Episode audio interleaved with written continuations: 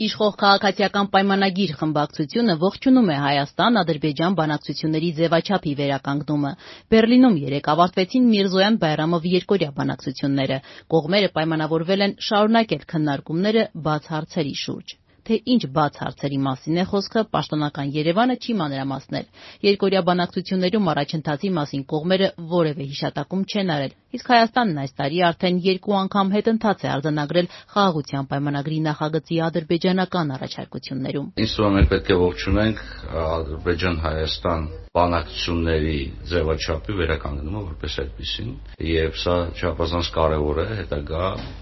գործընթացները ծավալելու համար։ Հանդիպումները շարունակվում են եւ դա շատ դրական նշան է։ Բանակցությունների որ ձևաչափն է Հայաստանը արդյունավետ համարում՝ երկկողմ, թե միջնորդի մասնակցությամբ։ ՔՊ խմբակցության քարտուղարն ասաց, թե արդյունավետ են այն հարթակները, որտեղ կհարգվեն եւ կպաշտպանվեն արձանագրված բոլոր սկզբունքները։ Դրանք են տարածքային ամբողջականության ճանաչումը, Ալմատի հռչակագրի հիման վրա սահմանազատումը եւ ինքնիշխանության սկզբունքով կոմունիկացիաների ապաշրջափակումը։ Գրանադայում տեղի ունեցած հանդիպման ընթացքում երկրները, այդ թվում Գերմանիան, որին որը դուք հիշատակում եք, ստորագրել է փաստաթղթի տակ, որտեղ ուրեմն արձանագրվել են այդ սկզբունքները եւ բնականաբար մենք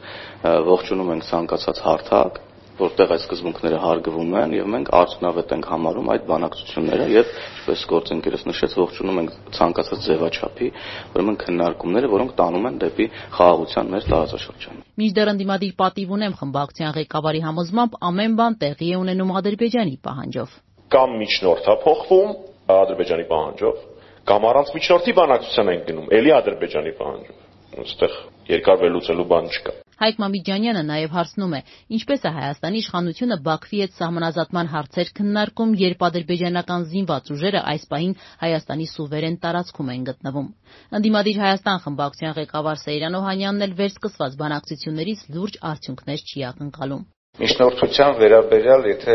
տեսնում եք դուք Ադրբեջանի իշխանությունները անդադ պնդում են, որ մեզ որևիցե մի միջնորդ պետք չէ մի կողմից, Դա գալիս է նրանից, որ փորձում են միայնակ ճնշումներ գործադրել Հայաստանի Հանրապետության իշխանությունների վրա, բայց մյուս կողմից էլ իրանք այսպես խելոք կերպով, շատ խորաման կերպով օգտագործում են թե արեմտյան հարթակը եւ թե նաեւ յետ խորհրդային հարթակը, որպեսզի իրենց շահերը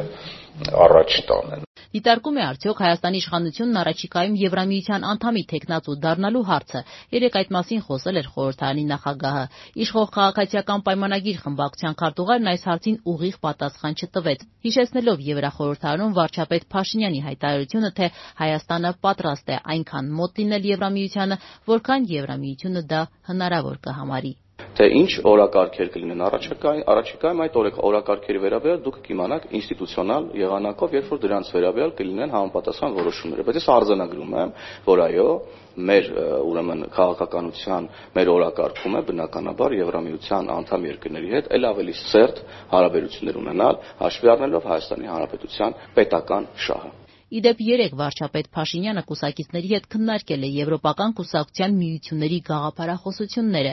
Արթուր Հովհաննիսյանը չբացառեց, որ Փաշինյանի ղեկավարած ուժն առաջիկայում կարող է անդամակցել Եվրոպական որևէ կուսակցության։ Հնարավոր է անդամակցություն որևէ եվրոպական Չեմ բացառում, չեմ բացառում։ ԿՊ-ն հիմա վերջերս տեղեկացել է, որ գոյություն ունեն եվրոպական քաղաքական ընտանիքներ եւ ճանկռտելով փորձում է դրանցից որևէ մեկին անդամակցի,